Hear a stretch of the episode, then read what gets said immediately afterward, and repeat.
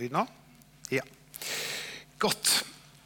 Høstens eh, store overskrift her på Betel, det er 'ærlig talt'.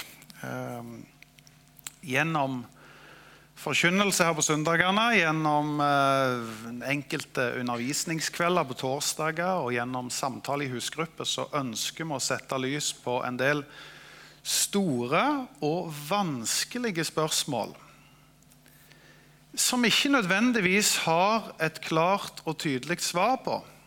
Og Vi har heller ingen ambisjon om å gi dere alle svar, men vi har et håp om å peke oss i en retning. I dag så er den store overskriften 'Ærlig talt'. Hvor er Gud i livets ulike sesonger? Jeg ser det er et ord som har forsvunnet der. men hvor er Gud i livets ulike sesonger? Hvor er Gud når livet ble tøft, når ulykken inntraff, når det som ikke skulle skje, skjedde? Hvor er Gud gjennom livets ulike sesonger?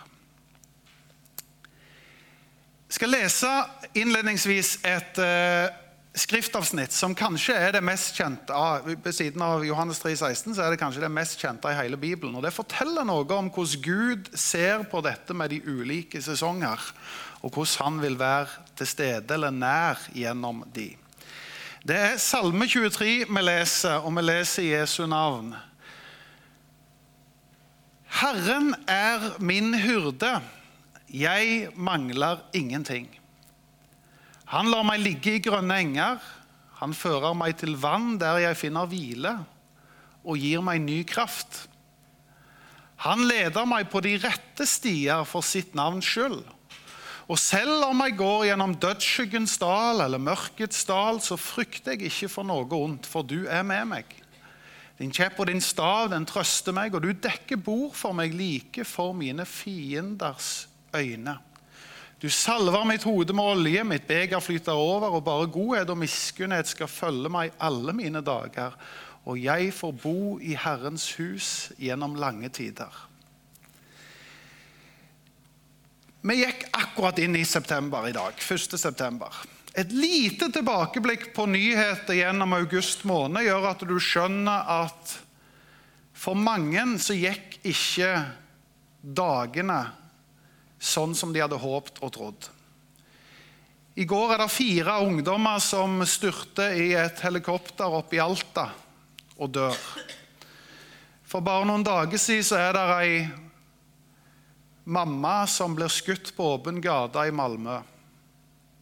For ikke lenge siden er det en som heter Philip Mansau, som dreper sin stesøster som eh, prøver å gå løs på mennesker i en moské. Går vi enda noen uker tilbake igjen, så er det sånn at i USA, i El Paso, i en eh, kjøpesenter, så er det noen som går amok og skyter, og 22 mennesker blir drept. Vi kunne fortsette og fortsette. Hvor blir Gud av når en møter den type utfordringer? En måte så er det sånn at vi klarer å distansere oss ifra dette fordi at vi får så massivt med inntrykk.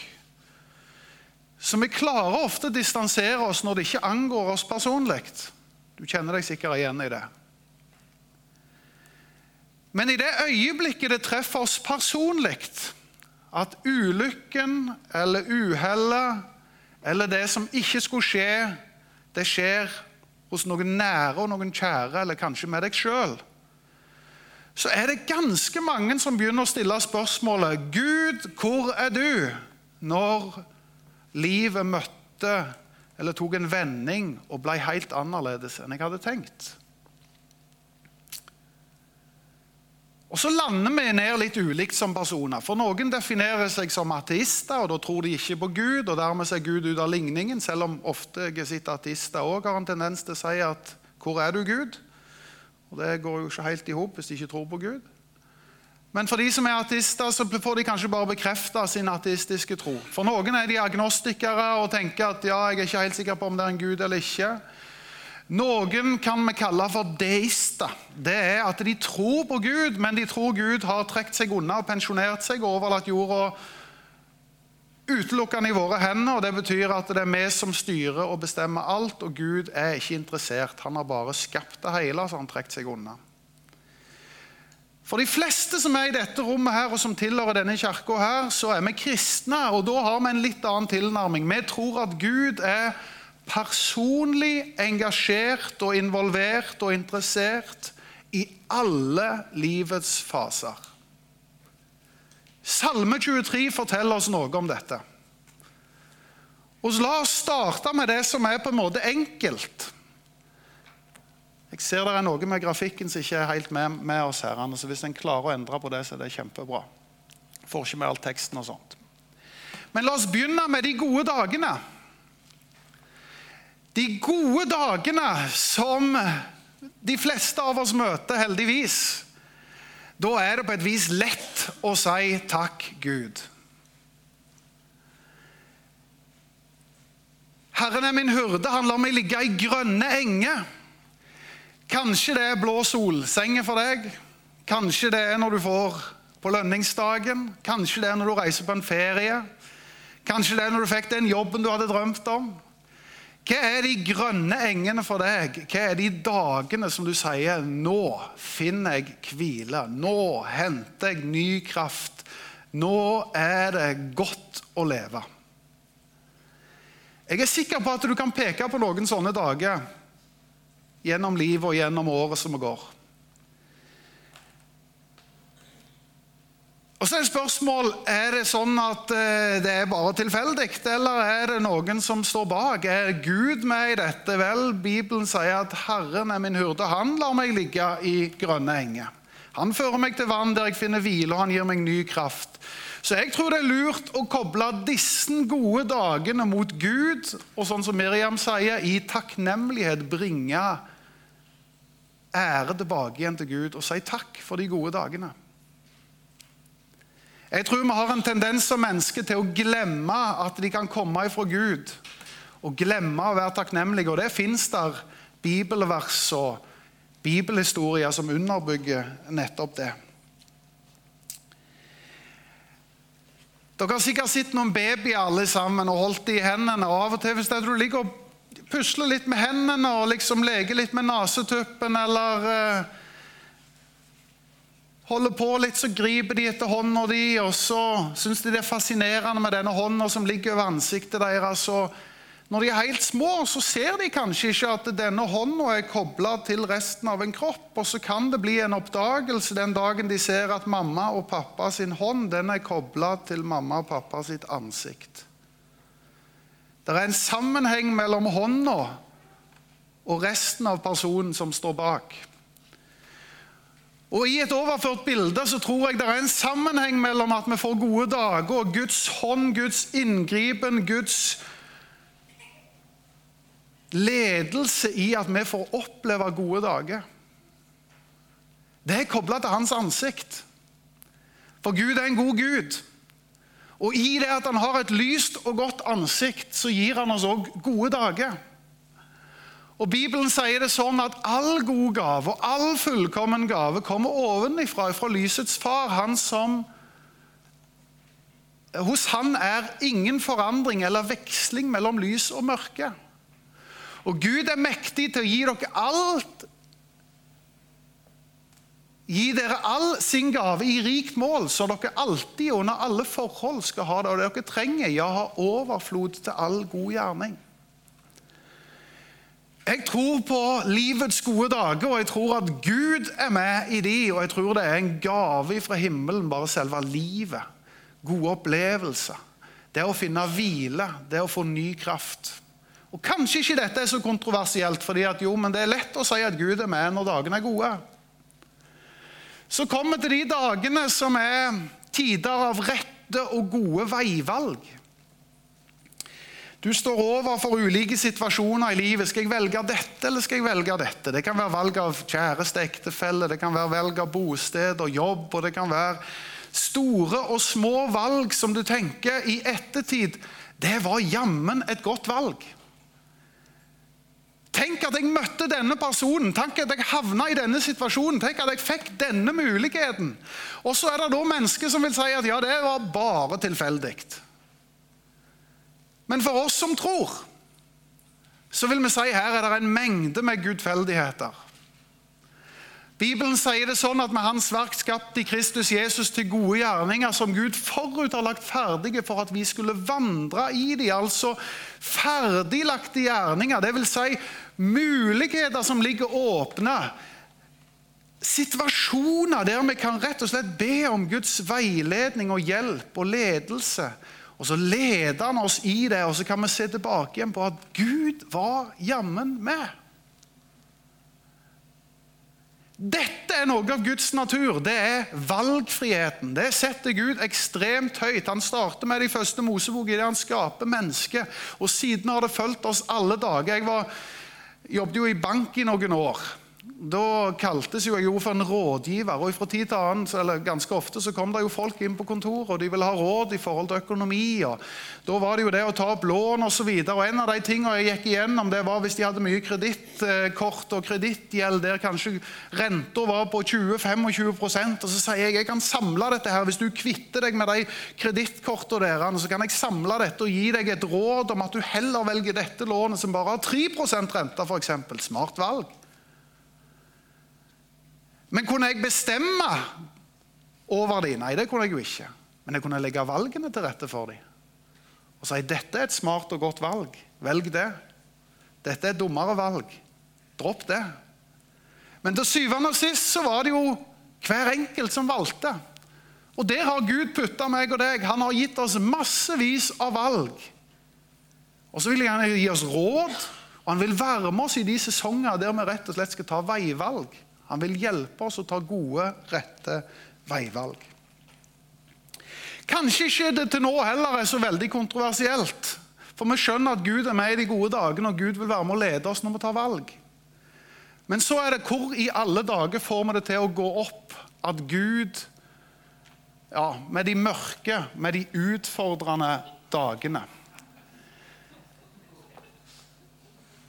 For dere som klarer å se det bildet, så er jo det ganske artig. Det å være høne eller kylling rett utfor Kentucky Fried Chicken Chicken. og si at jeg går gjennom dødsskyggens dal og frykter ikke. Det er ikke bare lett. Det mørket som vi kan møte på ulike måter av krise, av dal, av skygge, det sier Bibelen altså at Herren til og med er der i mørkets daler. Hvordan får vi det til å gå opp? Nå skal jeg komme med en av de mest kontroversielle uttalelser jeg har hatt på denne scenen noen gang. Så nå må du spisse ørene, for dette sier ikke pastoren mange ganger før han får sparken. Gud kan ikke gjør alt. Gud kan ikke gjøre alt. Hadde jeg hatt et fungerende lederråd rundt meg nå, så hadde de sagt at vi kaster han her ifra scenen. For her stiller han spørsmålstegn med Guds allmakt. Jeg ser du sitter på tuppen av stolen, Anders.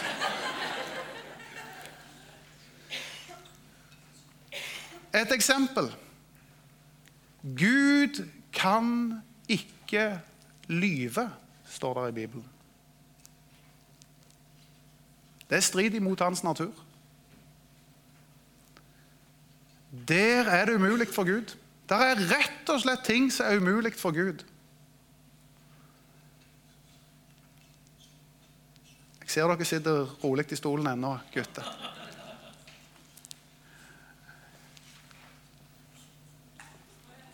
Kan Gud skape en eh, så stor stein at han ikke kan bære den sjøl? Dere har sikkert hørt lignende utsagn. En motsigelse som ikke går opp. Kan Gud skape en rund trikant? Det går liksom ikke opp. Det er visse ting Gud rett og slett har bundet seg til. Og dette er jo ganske forunderlig, fordi at eh, Gud har rett og slett beglatt, valgt å begrense seg av sine egne valg. Og Min hellige overbevisning det er at eh, Gud f.eks. ikke kommer til å overstyre vår frie vilje. Gud har begrensa seg til sagt at vel, hvis jeg er en kjærlig Gud, for Gud er kjærlighet, så forutsetter kjærligheten frie valg. Og hvis en skal gå inn og skape et menneske som har et fritt valg, og i neste omgang hindre mennesket fra å ta et fritt valg, så er det noe som ikke går i sammen. Gud har valgt å begrense seg på enkelte områder. C.S. Lewis, en kjent forfatter, Narnia-bøkene osv., sier det sånn Gud kan ikke skape et menneske med fri vilje og samtidig begrense det mennesket fra å ta dumme valg. Det er en del av det Gud har forordna det. Det betyr at hvis jeg er så Skjønn meg rett. Jeg kan jo være et mørke, jeg er, men hvis jeg tar et tragisk dumt valg og hopper ut forbi et stup, så kommer ikke Gud og tar meg vekk ifra det. Da hopper jeg og gjør det dumme valget, og konsekvensene er fatale. Og Det gjør at vi ser massevis av vondt og vanskelig i denne verden. Fordi Gud har valgt å forordne det på den måten der.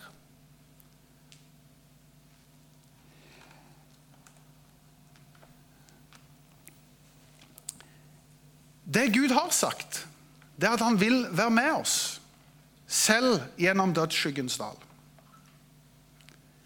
Og Av og til så tror jeg vi lover litt mer enn det er dekning for i Bibelen. Iallfall etter syndefallet. Dette er en del av det som er Guds natur. I kjærlighet så skaper han oss med en fri vilje. Videre så står det at han eh, dekker bord for meg, like for mine fiender. Jeg vet ikke, liksom, altså Det er lett å tenke at når du hører om en fiende, ja, så er det jo eh, mennesker som har blitt dine fiender. Vel, jeg tror vi kan se på fiender i en utvida forstand. Fiender kan være de mørke tankene som når meg, der jeg tenker at jeg ikke duger. Fiender kan være det selvbildet som er helt ødelagt. Det kan være den oppfatningen av at framtida er mørk, du har ingen håp. Det kan være de stemmene som kommer inn og sier at det er ikke noe framtid.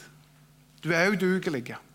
Men det kan òg være de reelle situasjonene der vi opplever sorg, smerte, sykdom, nød, mangel på søvn.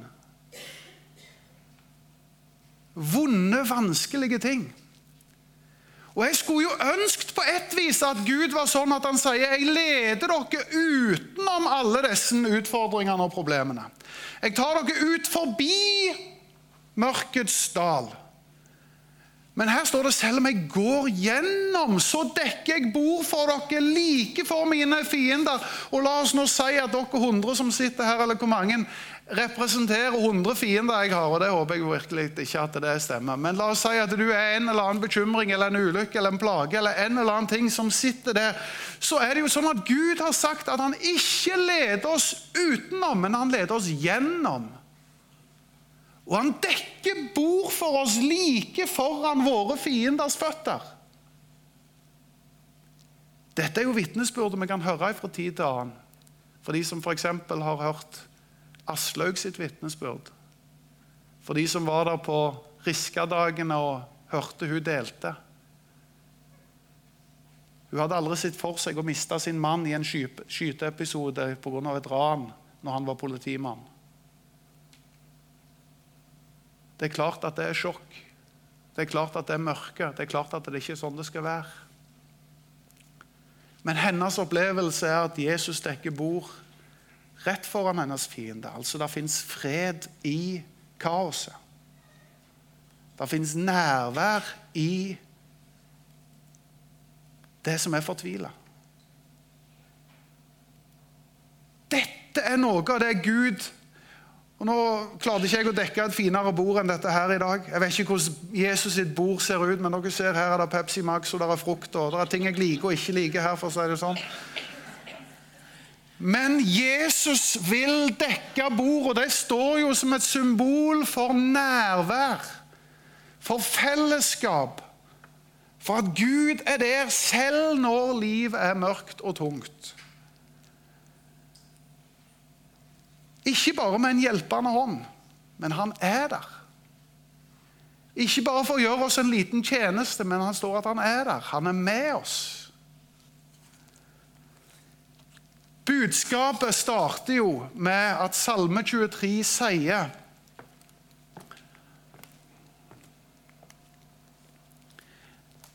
at Herren er min hurde.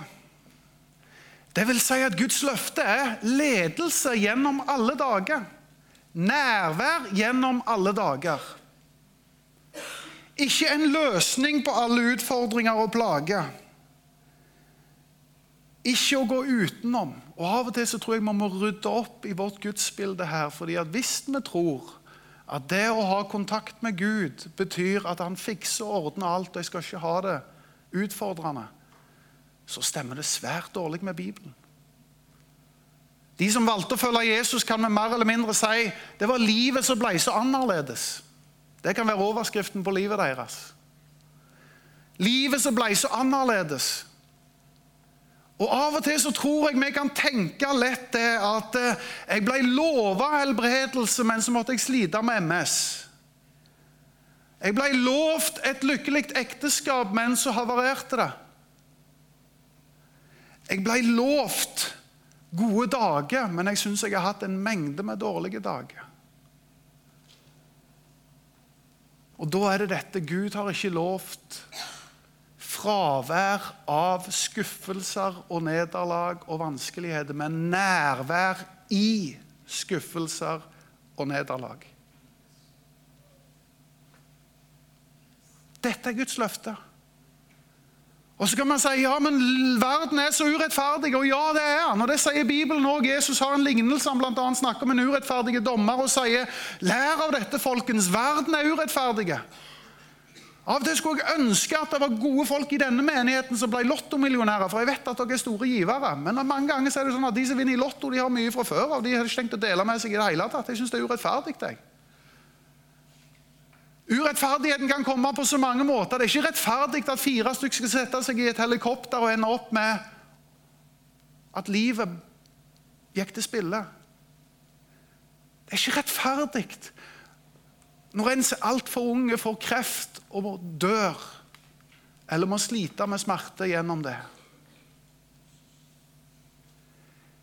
Jesus har ikke lovt oss noe lett liv. Og vi må ikke love noe det ikke er dekning for i Guds ord. Men det som går igjen og går igjen, det er det at jeg møter meg, Jeg var nettopp tidligere i uka og snakket med en her i bygda som eh, flere av dere kjenner som er medlem her i menigheten, som er halvert i vekt og har slitt med kreft og hatt kjempeutfordringer gjennom det. Men han vitner om en fred. Han vitner om et nærvær i problemene. Ikke at alt har løst seg, men at Gud er nær. Dette er det Jesus lover oss i forhold til alle livets sesonger. For det er ikke bare gode dager. Noen av løftene til som kommer, det er jo at eh, bare godhet og miskunnhet skal etterjage deg alle dine dager. Og Det betyr jo ikke at alt vi opplever, er godt. Men det betyr at Gud har lyst til å komme med godhet og miskunnhet i de dagene som er utfordrende. Og Jeg ser for meg her, fordi her er jo bildet 'Herren er min hyrde'. Og Noen kan jo tenke det at eh, ja, ok, hvis vi er sauer, da fordi det er jo det som er bildet her, så, så blir du kanskje fornærma av at noen kaller deg en sau. Men sauer har en tendens til å rote det til for seg sjøl. Og der er meg og deg. Vi roter det til for oss sjøl stadig vekk. Da vil jeg si jeg anbefaler en hyrde. Og Jesus han sier han vil være hyrde. Han vil ikke være eh, sauehund. Har dere sett sauehundene som nå skal opp i Sirdal og hente sauene? Så står, går de hundene rundt og glefser og bjeffer og skal jage sauene. Sånn er ikke Gud. Gud er ikke en som går rundt og glefser og bjeffer og jager oss til omvendelse. Gud er en som er omsorgsfull, og som kommer med godhet og miskunnhet, og som vil lede oss, ikke mot vår vilje, men med vår vilje. Og så står det at vi skal bo i Herrens hus gjennom lange tider. I evigheters evighet. Der har du løftene fra Gud. Det er at fiendene som vi møter her i livet, de skal bli gjort til intet, og så skal vi få være sammen med Han i det evige. Og I 1. Korinterbrev kapittel 15 så har Paulus en, eh, et kapittel om, om oppstandelsen fra de døde. Jesus som står opp fra de døde. Og Litt ute i kapittelet så står det at eh, dette er det Jesus gjør. Han overvinner fiender. Og han overvinner den siste fiende. Og hva er den siste fiende? Det er døden. Ingen har med lyst til å dø. Ingen har med lyst til å møte det. Men er det noe som er sikkert, så er det like sikkert som at du lever, er at du skal dø. Og Den fienden er det ingen andre som har overvunnet enn Jesus Kristus sjøl. Derfor så har han seira med det han levde, og det livet han levde. Og så leder han oss inn i en framtid der han sier dere skal òg få lov å bo i Herrens hus. Vær sammen med meg gjennom evigheters evigheter, fordi jeg har overvunnet den største og ytterste og siste fiende, og det er døden. Og Der har vi perspektivene om at Gud er en Gud som vil være med oss gjennom alle livets sesonger. Hvor er Gud i livets ulike sesonger? Jo, Gud gir gode dager. Han vil veilede oss til gode, rette valg. Men har du ikke opplevd det, så skal jeg love deg en ting du kommer til å oppleve. Mørkets dal kommer til å innhente deg.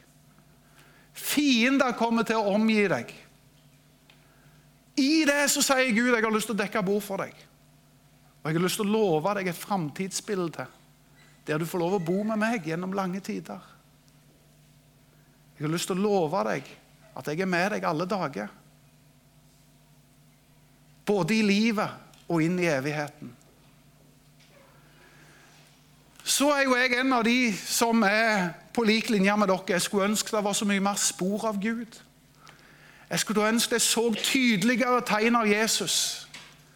Og da sier jeg da får du komme tilbake neste søndag. For da skal vi snakke om det. Jeg takker deg, gode Gud, for at du er en Gud som ikke har lovt oss bare gode dager, men du har lovt oss å være nær.